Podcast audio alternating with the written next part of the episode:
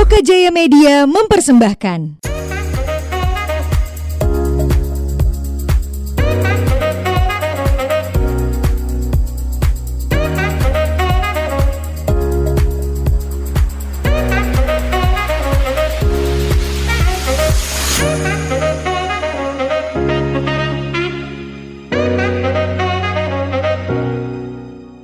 Welcome to Ngobrol di Podcast. This is your host Angga Baskara.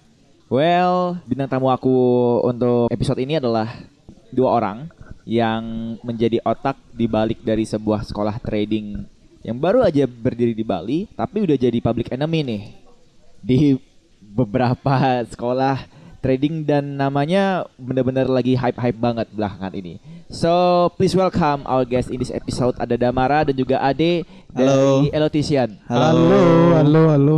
Apa kabar? Ya, setungkar baik. Baik, baik, baik. Jadi episode ini adalah episode ulang karena ini direkam ulang cuy. Parah nih. Ini gara-gara Damara nih sih. Gara-gara Elitisian jadi public enemy, kita harus ulang lagi take-nya ya. Laptopnya dicetir. Nggak dikasih, kayaknya nggak dikasih rekaman sama sama kompetitor-kompetitor kalian nih. Waduh, Aduh. siapa tuh? Oke, Damara sama Ade, si trading ini kan benar-benar jadi sesuatu yang baru banget di 2020 ya. Mungkin udah lama. Cuma orang-orang akhirnya benar-benar baru menekuni karena pandemi di 2020 gitu. Nah, sebelum kita ngomongin elutition, kalian sendiri itu udah lama nggak sih main di dunia trading? Dari kapan kalian mulai bertrading gitu? Eh, kalau aku mulai kebetulan itu tahun 2015 Mm-hmm. instrumen yang pertama karena kebetulan di kampus waktu itu ada komunitas saham. Hmm. Jadi aku aktif waktu itu lebih ke investasi ya. Hmm. Investasi dan juga trading di saham. Hmm. Nah, seiring jalannya waktu itu lagi berapa tahun itu 2016 deh kayaknya. Mulai pindah instrumen ke cryptocurrency atau yang ya biasanya orang sebut Bitcoin lah. Bitcoin, Ethereum, Ripple dan banyak jenisnya cryptocurrency. Akhirnya mulai tahun 2017 akhir atau 2018 awal itu aku pindah instrumen lagi ke forex dan baru dapat nyamannya di situ. Kenapa nggak uh, seriusin Bitcoin? Bukannya beli tank ya dari Bitcoin ya? Kalau Bitcoin itu bandarnya gini soal harganya nggak nggak gini apa namanya Nggak masuk akal. nggak masuk akal lebih dimanipulasi harganya jadi kayak kayak pemain pemain pemain kroco itu ya nggak Ah. bisa survive di situ Oke, tapi dengan main trading itu bisa survive. dengan trading tergantung instrumen sih kalau di cryptocurrency kala itu untuk Hmm. ditradingkan wih kurang banget Kurang banget. Kurang tapi kalau sekarang it's okay. sekarang lebih better lah ya dari sebelumnya Lebih kalem kalau sekarang. Kalem gimana tuh? Ya nggak sevolatile kayak dulu. Kalau Ah, kalau dulu kan masa-masa 2017 ya kalau Bitcoin ya mencapai titik tertinggi. wah tuh Itu sih enak banget kalau untuk diinvestasiin. waktu itu. Waktu itu, tapi setelah masuk 2018, yang beli 2018, eh, mohon maaf untuk kalian, Enggak banget. nggak banget tuh. Enggak banget. Iya. Tapi kalau uh, Ade sendiri mulai masuk trading kapan sih? Kalau aku sih eh, tiga tahun yang lalu untuk trading pertama sama kayak Damara di saham dulu. Hmm.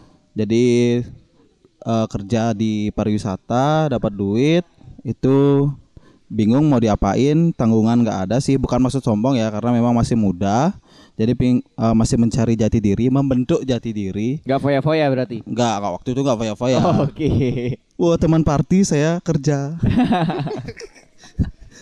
ya gitu deh jadinya mencoba hal baru belajar hal baru Hmm. kadang masuk night shift itu buka-buka buku kayak gitulah Wow, positif sekali ya. ya seperti itulah ya bukan maksud sombong sih tapi ya Ah. akhirnya jadi senang sih sekarang trading gara-gara mulainya di awal di saham terus tiba-tiba masuk ke forex eh, cryptocurrency juga. Seru sih. Cuma dari trading ini yang aku lihat orang udah pada yakin banget gitu kalau bisa dapat untung yang besar dari trading. Dan banyak iklan-iklan trading itu bermunculan di media sosial. Entah karena memang banyak yang searching trading atau banyak yang tertarik menggeluti bisnis ini. Jadi sebenarnya bisnis ini bisa diseriusin menjadi main bisnis atau sekedar side bisnis doang? Kalau di forex itu ya kita ngomong spesifik ya Ah, forex ah, ah. atau trading. Trading itu sebenarnya kalau dijadiin pemasukan utama lah main income bisa banget tapi harus realistis. Kalau modal pengeluaranmu sekarang per bulan lah bilang 8 juta, modalmu trading 10 juta, bilang lah sebulan tuh ya kan nggak nentu cuannya berapa kan. Bisa pun kita sebulan itu nggak dapat apa, loss gitu bisa. Benar-benar volatile soalnya. Kalau modal 10 juta biaya hidup sebulan eh, sebulan tuh 8 juta, pingin istilahnya trading for living dari situ ya Susah, Bro. tidur aja lagi Nggak bisa ya? nggak bisa. Kok bisa nggak bisa gitu? Kenapa? Padahal banyak banyak ekspektasi orang mungkin berpikiran, wah aku lewat trading nih bisa bisa dapat duit banyak nih gitu. Kenapa akhirnya kalian mengatakan bahwa ini nggak bisa jadi main bisnis yang benar-benar sustainable? Kalau sebenarnya dijadiin main bisnis tuh kayak tadi tak bilang bisa, cuma Hmm. modal pun harus gede.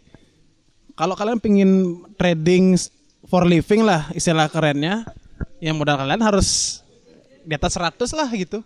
100 juta. Iya, Wow. Hmm. itu itu pun itu pun dengan catatan kalau cuan, kalau enggak ya Rugi. gimana gimana kita mau istilah kita mau makan gitu kan. Ah. Lebih baik trading ini dijadikan sebagai side hustle lah sampingan. Hmm. Kur- menurutku pribadi Hmm. kalau sekarang modal kalian masih belum gede-gede banget, Hmm. better dijadiin side income aja. Ya so-so lah jatuhnya Ya. ya. Nah, Elliot Tyson ini kan baru ini masih dibilang bayi merangkak aja belum bisa nih, Iya. ya kan? Cuma hebatnya dari obrolan off air kita, nih Tyson udah punya public enemy di mana-mana, udah punya Waduh. musuh di mana-mana. Sebenarnya ya, sebenarnya nih apa sih tujuan kalian membentuk si Tyson ini? Dan dan dan yang membuat akhirnya sampai orang-orang mau belajar terus udah bukaan ke Bats 5 aja nih gimana? Karena kita beda. Oke, apa yang membuat membuat kamu berani berkesimpulan bahwa Elution beda gitu dengan Iya. sekolah trading yang lain? Hmm. Mungkin beberapa orang bakal offended sama yang apa bakal ku bilang. Ah, Cuma dengan bangga, Mhm. Elitian berani ngomong kalau Elitian adalah akademi trading pertama di Bali yang mengun- yang lebih spesifik mengajarkan mm-mm. Elliott Wave Theory Oke, itu. jadi si Elliot Wave ini nggak pernah bukan nggak pernah ada tapi jarang nih disentuh oleh sekolah-sekolah trading lain. Ya bis, se- setahu setahu kita ya Mhm. belum ada sih, Belum, ada. Nah, apa sih keunggulan teori ini gitu sampai akhirnya kalian benar-benar yakin banget dengan teori ini si Elliot Tyson ini bisa survive gitu di jajaran akademi-akademi atau sekolah-sekolah trading yang ada di Bali dan Indonesia. Kalau dari Elliott Wave itu kan Elliott Wave kan uh, udah muncul udah lama ya 1930-an. Sebenarnya tuh Elliott Wave ini uh, lebih ke trend following dia. Mm-mm. Dia mengidentifikasi uh, main trennya, secondary trennya dan tren lainnya sampai ke time frame yang kecil banget. Oke. Jadi ini kita bisa pakai untuk trading bisa, pakai investing juga bisa tergantung time frame-nya dia Oke. yang dipakai. Mm-mm. Habis itu trading ini habis itu Elliott Wave ini juga ngasih banyak skenario. Kalau dibilang subjektif, subjektif, tapi dengan gabungan dari skenario, gabungan-gabungan skenario, kita bisa dapat objektifnya dia. Jadi kalau kayak misalnya kayak gini nih, eh aku punya tiga setengah skenario dari pair ini misalkan. Nanti kalau memang nyentuh level ini, semua dari skenario itu nunjukin arah yang sama. Nah dari situlah kita ambil itu. Dan teman-teman pada ini apa namanya uh, kepincut sama teori tersebut. Ini yang peluang yang kalian dapetin gitu, yang bisa kalian lempar ke Ya, pasar. Kita juga ngelihat penyesel- penyelesaian masalah Mm-mm. Ya karena terbentuknya Elliottian ini pertama kan karena teman-teman yang belajar trading itu punya masalah yang sama. Mm-mm. Misalnya mereka mempelajari chart pattern namanya ada salah satu tekniknya. Oke. Jadi s- di chart pattern itu ada namanya contoh lah bull flag namanya yang itu mengindikasikan harga itu bakal naik.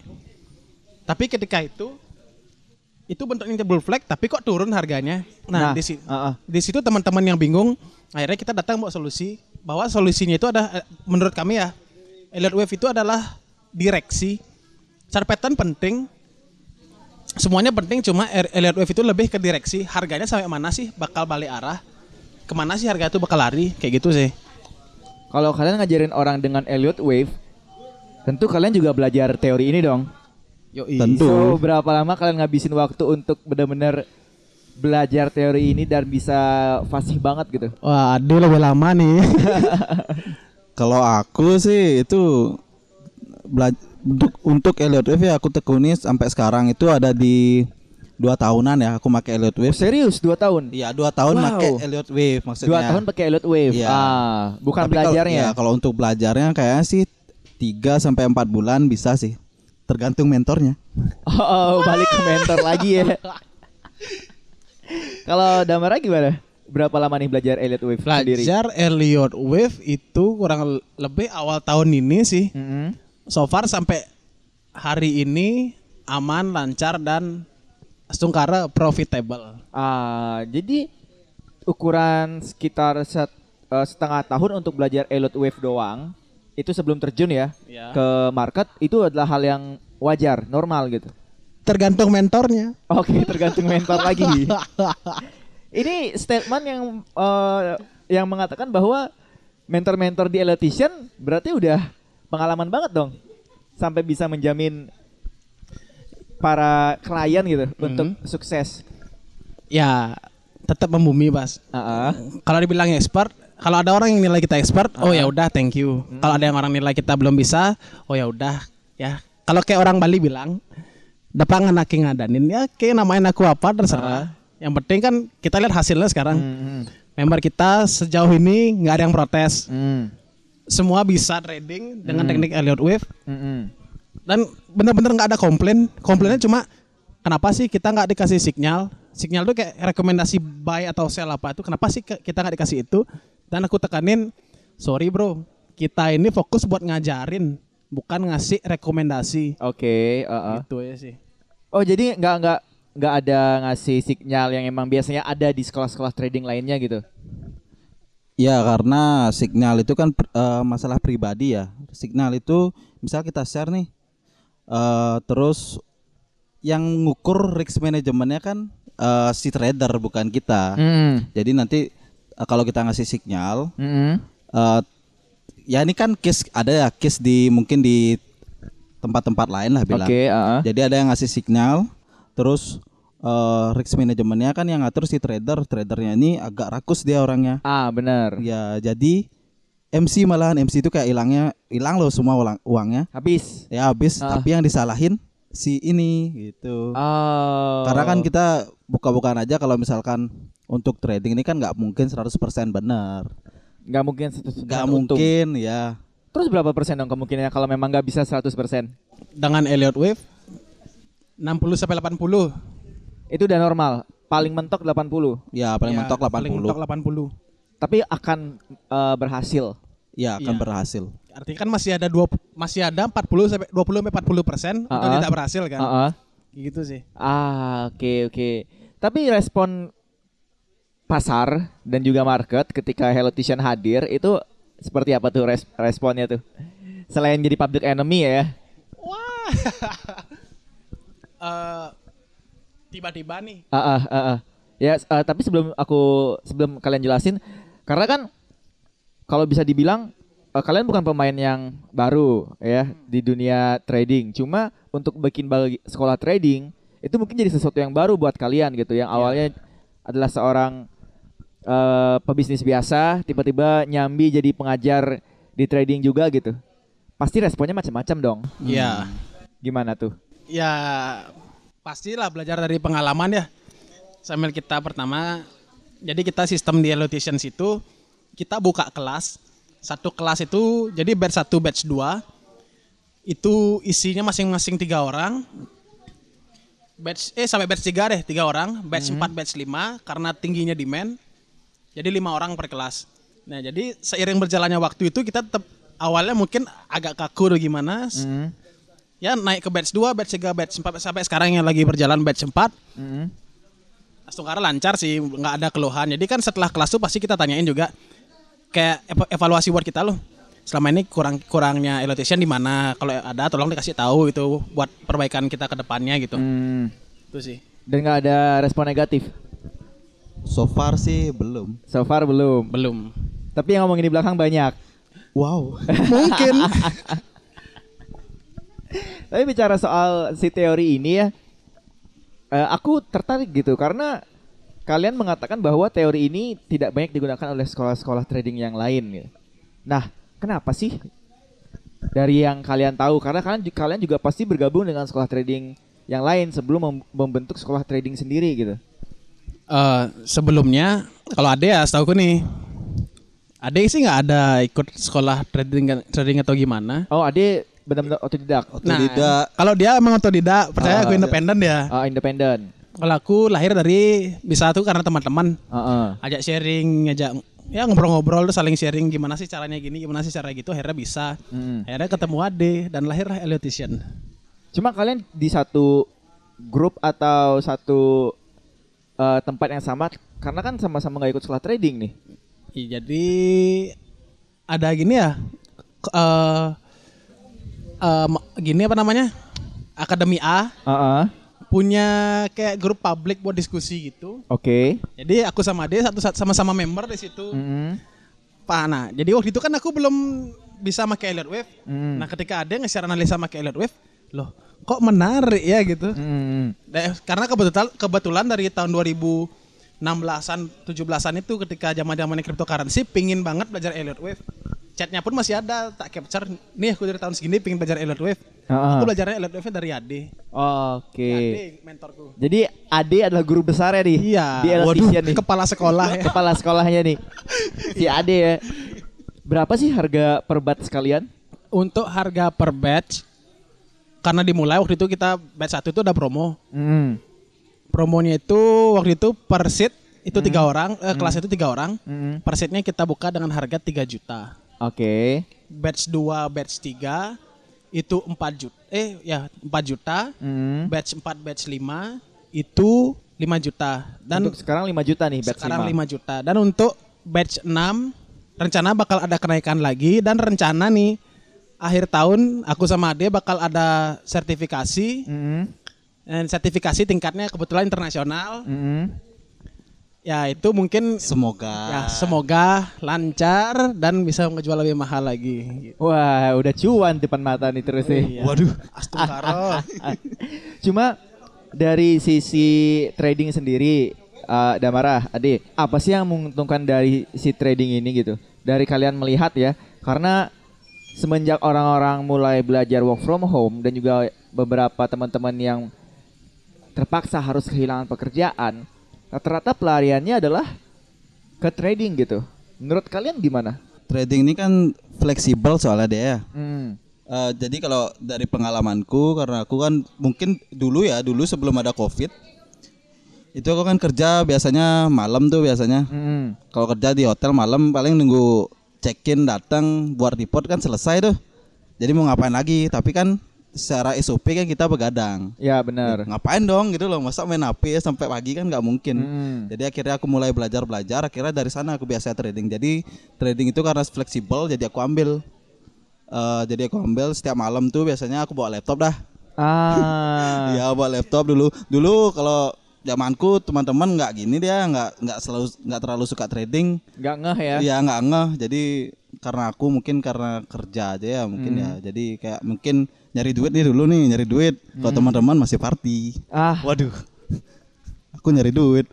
Tapi kalau menurut Ki gimana Dam? Kurang lebih aku sama sih sama Ade karena aku orangnya kalong gitu. Hmm. Bangun siang, tidur pagi. Nah, pertama kan belajar basic-basic itu misalnya masih bisa lah otakku cepat untuk nerima. Karena untuk aku pribadi teori Elliott Wave ini agak kompleks Hmm. dan agak ribet. Jadinya waktu itu ya karena malam-malam kan biasanya nongkrong sama teman-teman tuh. Ah. Atau enggak di rumah ya main game gitu. Akhirnya ketika Ade ngajarin aku Elliot Wave, tertariklah aku malam itu jadi aku benar-benar mendedikasikan waktuku begadang itu untuk belajar Elliot Wave. Hmm. Benar-benar itu selama beberapa bulan, itu ah, ah. sampai sampai Ade sempat malas loh sama aku. Tak tanya-tanyain terus gak dibalas-balas sama dia. terlalu Bosan ya? banyak bosan nih udah muak nih. Ini Damara kok nggak berhenti berhenti nanya gitu ya. Ini Damara kok wah Damara Terlalu banget. semangat nih. Damara nih posesif banget nih gitu. Tapi murid kalian ada yang seposesif itu nggak sih nanyanya sampai benar-benar bikin kalian yang ah gitu kayak ah kok nggak nggak nggak ada space untuk istirahat nih gitu. Kalau dari aku sih nggak ada sih, semua tak biasain aja. Mhm. Jadi yang nanya aku jawab, ada yang nanya aku jawab. Tapi kan itu tergantung waktuku juga. Hmm, Kalau nggak oke. sibuk pasti aku jawab kok. Mhm. Even itu tengah malam. Ya, even ya saya kan Subuh kalong. pun. Subuh pun ada yang nanya tak Ada yang jawab. subuh. Ada. Itu gimana tuh? Kok bisa? Eh, rata-rata trader tuh kalong. Ah, Nggak juga. Nggak bisa dipukul rata semua, Nggak- cuma nggak juga. Ade bilang nggak juga. iya, nggak bisa dipukul rata semua. Heeh. Cuma ada beberapa Heeh. kayak bisa setuju beberapa orang trader kalau Mhm. kita nih kalong karena ada kayak berita-berita loh. Contohnya Fluktuasinya mungkin ya fluktuasinya fluktuasinya lebih itu, di malam tuh lebih lebih kencang gitu. Lebih dapat. ya Iya. daripada pagi pagi ya, Slow. Jadi pagi tuh masih agak slow ya. Di malam baru kenceng. Iya. Dan ini memang benar nih. Apa cuma mitos doang? Memang benar. Bener.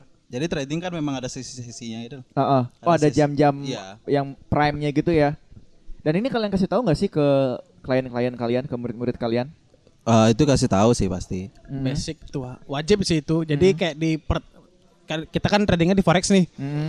Itu ada tiga sesi perdagangan. Mhm.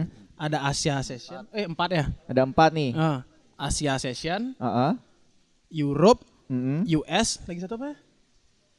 London. Oh London. Ah, Iya. ada empat. Ah. Iya. Terus? Itu yang, sih yang wajib paling dikasih tahu. paling paling paling paling seru sih pasti gini US. US. Itu di mulai dari jam 9 sih kalau di Indo. 9 pagi. Ya, bukan. Oh, 9 malam. 9 malam Sampai sampai Lim- jam 5. jam 5 pagi. lima pagi. Nah, kalau bicara seru, kalian mengatakan bahwa pasar Amerika ya, Iya. yang paling seru di antara empat pa- eh, tiga pasar lainnya tuh. Kenapa bisa jadi yang paling seru nih menurut kalian? Apakah Karena mata uang yang nilai tukarnya lebih tinggi daripada Indonesia? bukan sih karena memang karena dol ya kita bilang lah dolar kan raja yang mata uang lah sekarang ya. Ya, Bang, benar. heeh. Dan s- eh, perputaran dolar itu paling gede di memang di US di Wall Street. Jadi pertukaran mata uang itu memang paling gede di sana. Hmm. Jadi sesinya dia itu memang paling paling oke banget untuk di tradingin. Tapi Ah. kalau emang ada sih emang beberapa trader yang suka kalem ya. Hmm. Jadi dia trading tuh pagi, Hmm. pagi ke siang itulah. Jadi trading sebentar, terderat ya gitu. Sebentar aja bisa selesai close sudah itu aja. Dan kalian menjadikan ini sebagai side job. Side job ya. Side job. Kenapa nggak jadi main job aja? Padahal kan kalian punya sekolah, kalian punya electrician gitu. Kenapa bukan electriciannya yang menjadi main job kalian gitu? Kalau untuk aku, Hmm. aku pribadi ya, aku kurang terlalu mau untuk merisikokan uangku di high risk ya. AA. Ya, jadi aku menganggap ini sebagai side job. Mm-mm. Jadi aku kalau aku sih nyari untungnya itu cuma paling 15 sampai 20 aja. Oh tipis-tipis aja. Ya, lima- dua persen ya persen ya per bulan aku pakai. Jadi kalau misalkan misal nih misal, kalau misalkan aku em, punya modal cuma 10 juta, Hmm. ya berarti per bulannya aku nyari satu setengah juta aja buat nambah-nambah. Ah. Ya. Kalau terlalu untuk jadiin main income itu lebih ke psikologi jadinya. Kita nargetin sesuai kebutuhan kita jadinya. Hmm. Itu sih menurutku. Oke. Kalau udah marah? Sama sih kayak Ading. Ah. Gak berani terlalu ngeresikoin duit bener-bener gede untuk jadi pemasukan utama. Ya karena di mindsetku, oh kita hidup dari trading, Hmm. modal kita harus gede juga di trading. Kan nggak mungkin sekarang kita modal 5 juta, Hmm. 10 juta itu ke cover hidup kita sebulan nggak mungkin kan menurutku. Tapi apa semua trade, eh, trader eh, berpikiran seperti ini atau beberapa aja? Kalian ada nggak sih nemuin trader-trader yang memang mendedikasikan hidupnya untuk trading gitu? Wih, Full time. banyak ada. Tapi yang- yang yang aku tahu di circle teman-temanku ya, Hmm. So far belum ada. Belum, setauku belum ada. Hmm. Tapi kalau lihat yang ya bule-bule yang hidup di Canggu itu, oh itu sih sampai beli villa itu sih dari trading, Dari trading. dari trading. Sebesar itu ya impact trading ya. Ya, Jadi ke depannya bisnis ini benar-benar jadi akan jadi bisnis yang punya masa depan cerah banget nih berarti. Kalau aku ngelihatnya sih gitu. Ah, ah. Karena fleksibilitasnya dia sih. Ujung-ujungnya juga orang pasti bakal nyari uang dengan gini sih. Dengan nyamannya mereka gitu loh. Hmm. Jadi nggak selalu harus ke kantor kayak aku nih ke kantor gitu loh. Hmm. Itu ya aku agak bosen sih sebenarnya. Kamu Jujur. nggak mau berhenti, padahal udah Waduh. punya, udah udah punya sekolah, ya kan, udah punya bisnis sendiri, udah sustainable, ya, udah ada income dari si trading juga, nggak mau berhenti nih. Kalau untuk sekarang belum sih soalnya. Soalnya aku masih kenceng-kencengnya nih, masih produktif sih. Ah, ah. Jadi mending dipakai aja waktunya baik-baik sih. Mm-mm. Kalau menurutku ya itu sih produktif lebih baik daripada ya dia ngapain man diam kasur. Terus sekarang nih covid, aku kan gini ya. Kalau aku kan eh, dirumahkan nih, karena aku kan di pariwisata. Oh sedang dirumahkan. Iya, kalau Ah. aku sedang dirumahkan nih. Kadang aku sampai bingung loh. Pagi itu bangun tidur, bangun tidur tuh bukannya ngapain tuh tapi bingung mau ngapain nih.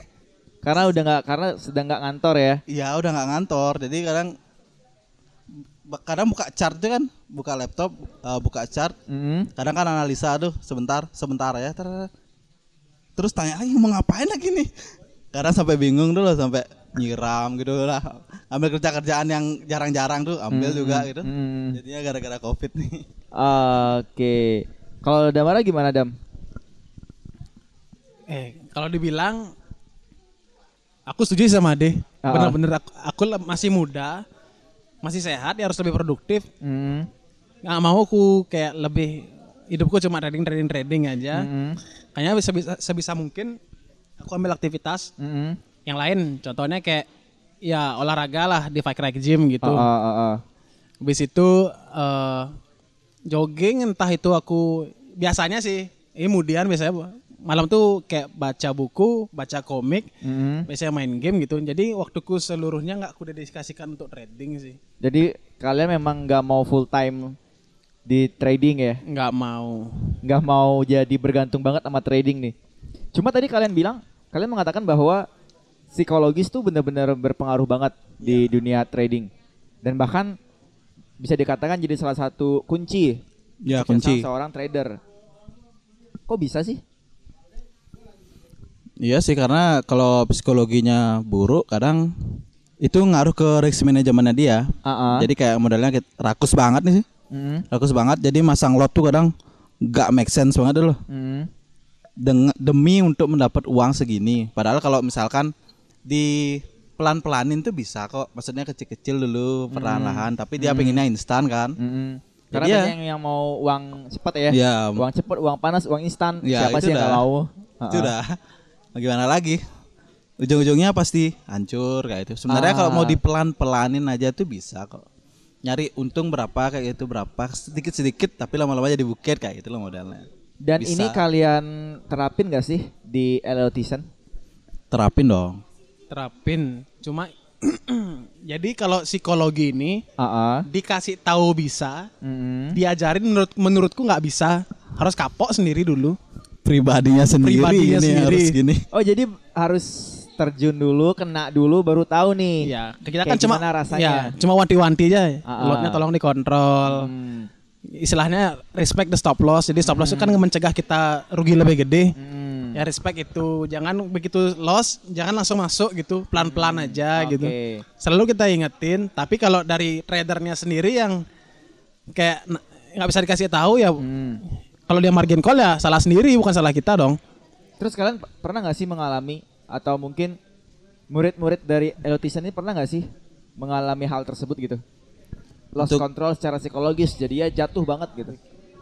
Oh, ada. ada, sih, ada. Ada. Itu sih kayak karena masalah eksternal sih dia Iya, bilang. eksternal. Jadi ada masalah di oh kita nggak sebut masalah apa sih, tapi eksternal bukan masalah dari dalam diri sendiri. Hmm. Jadi memang lingkungannya dia yang buat ini kayak ngacauin psikologinya dia. Hmm. Gitu loh. Jadi kayak dia salah ngambil tindakan sih jatuhnya. Gitu. Tapi kalian pernah mengalami? Oh, kalau Oh, pernah. saya pernah.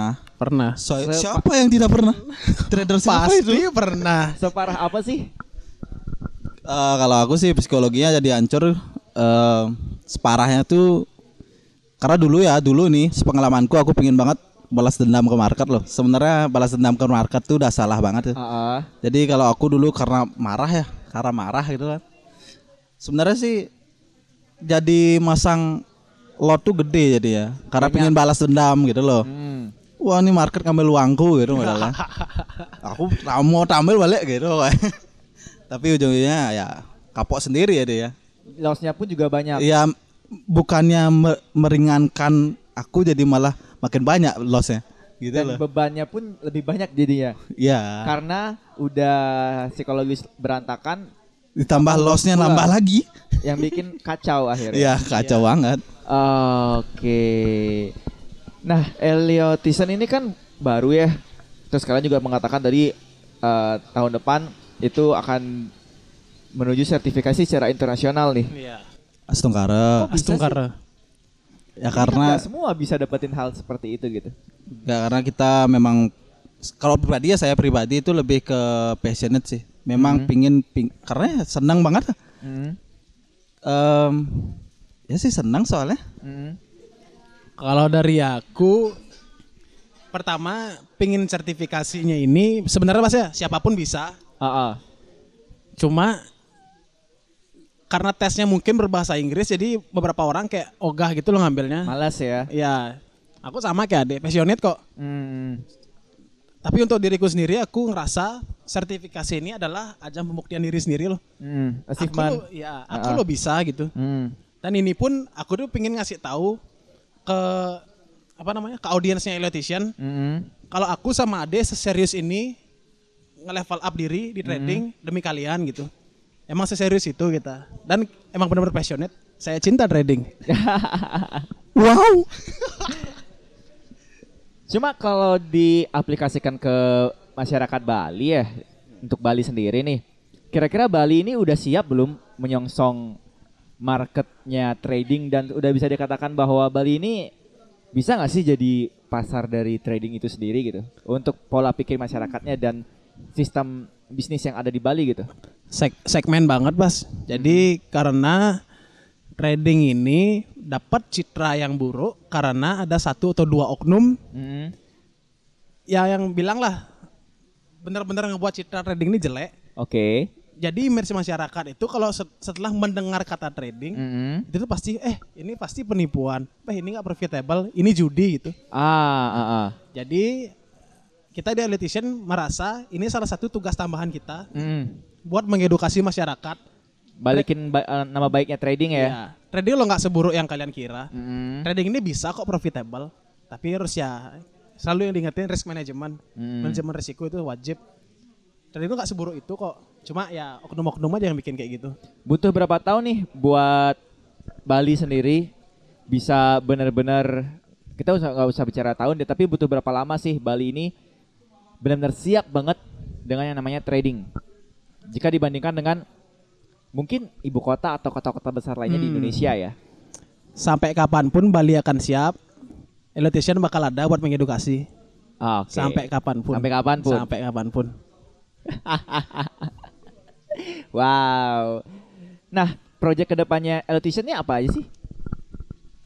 Untuk project ke depannya yang paling dekat ya Hmm. kita buat semacam kantor merangkap ke working space. hmm. Jadi aku ngeliat Ini yang pertama di Bali ya. Kan untuk eh, kantor yang memang fokusnya di trading.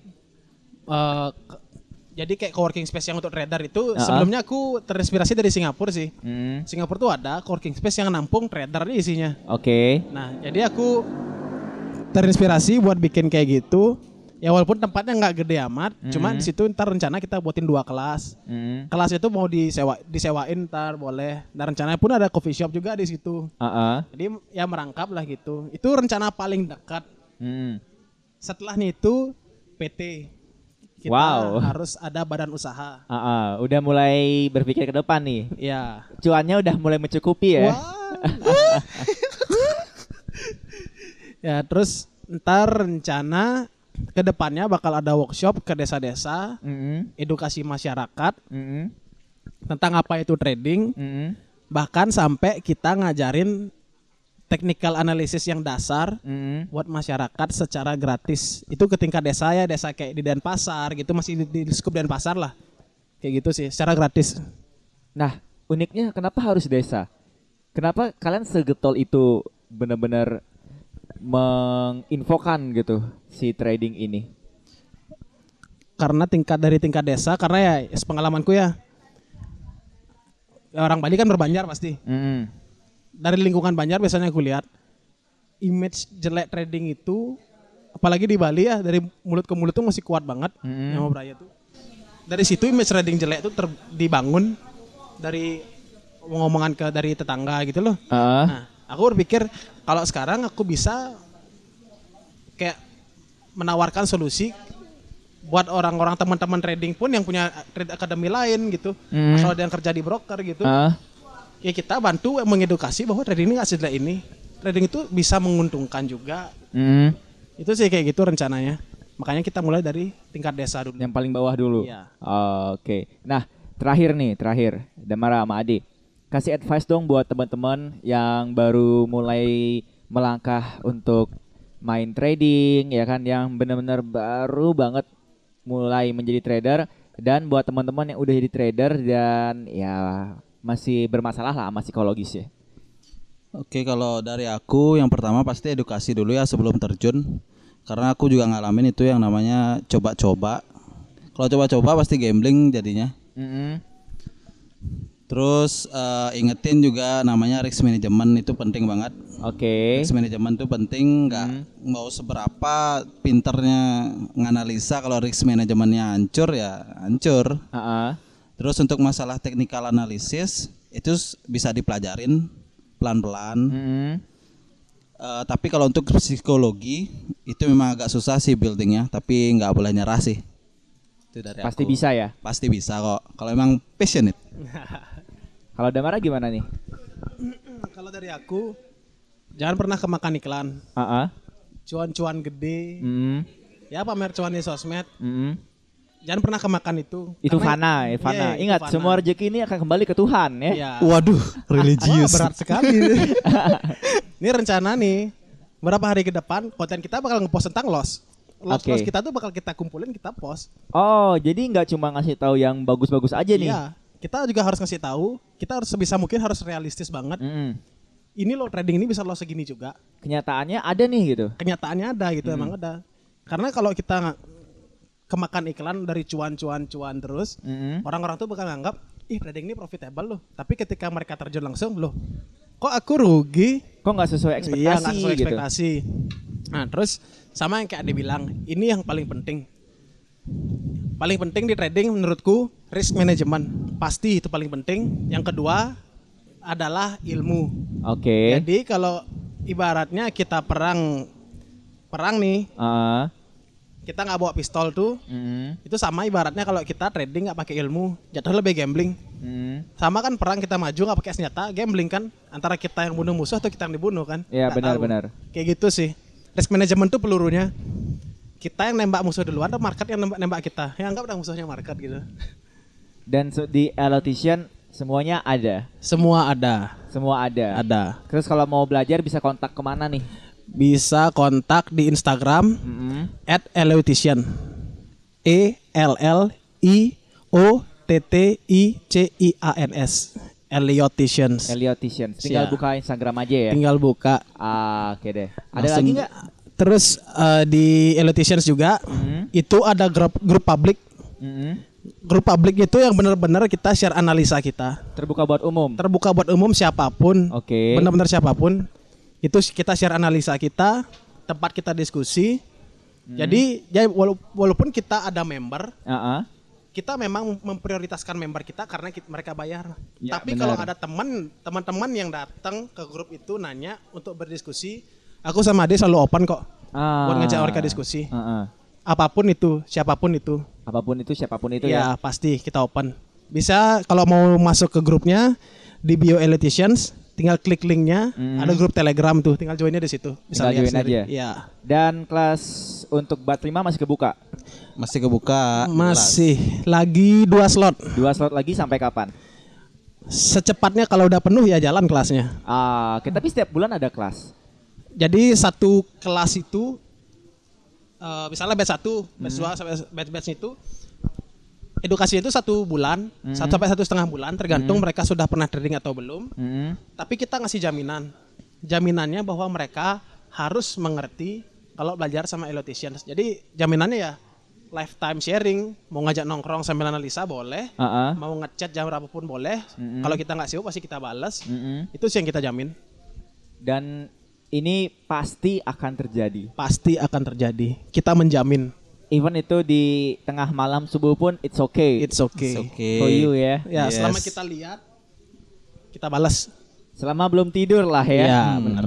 Oh, Oke deh. Thank you Damara, thank you Ade. Ya, Udah ngobrol-ngobrol di Ngobrol di Podcast. So, episode ini bisa kamu dengarkan di Spotify dan juga eksklusif ada di Anchor. Kalau gitu, Baskara pamit. Ade dan juga Damara dari Elotition pamit. Kita ketemu di episode berikutnya. Bye-bye. Yuk.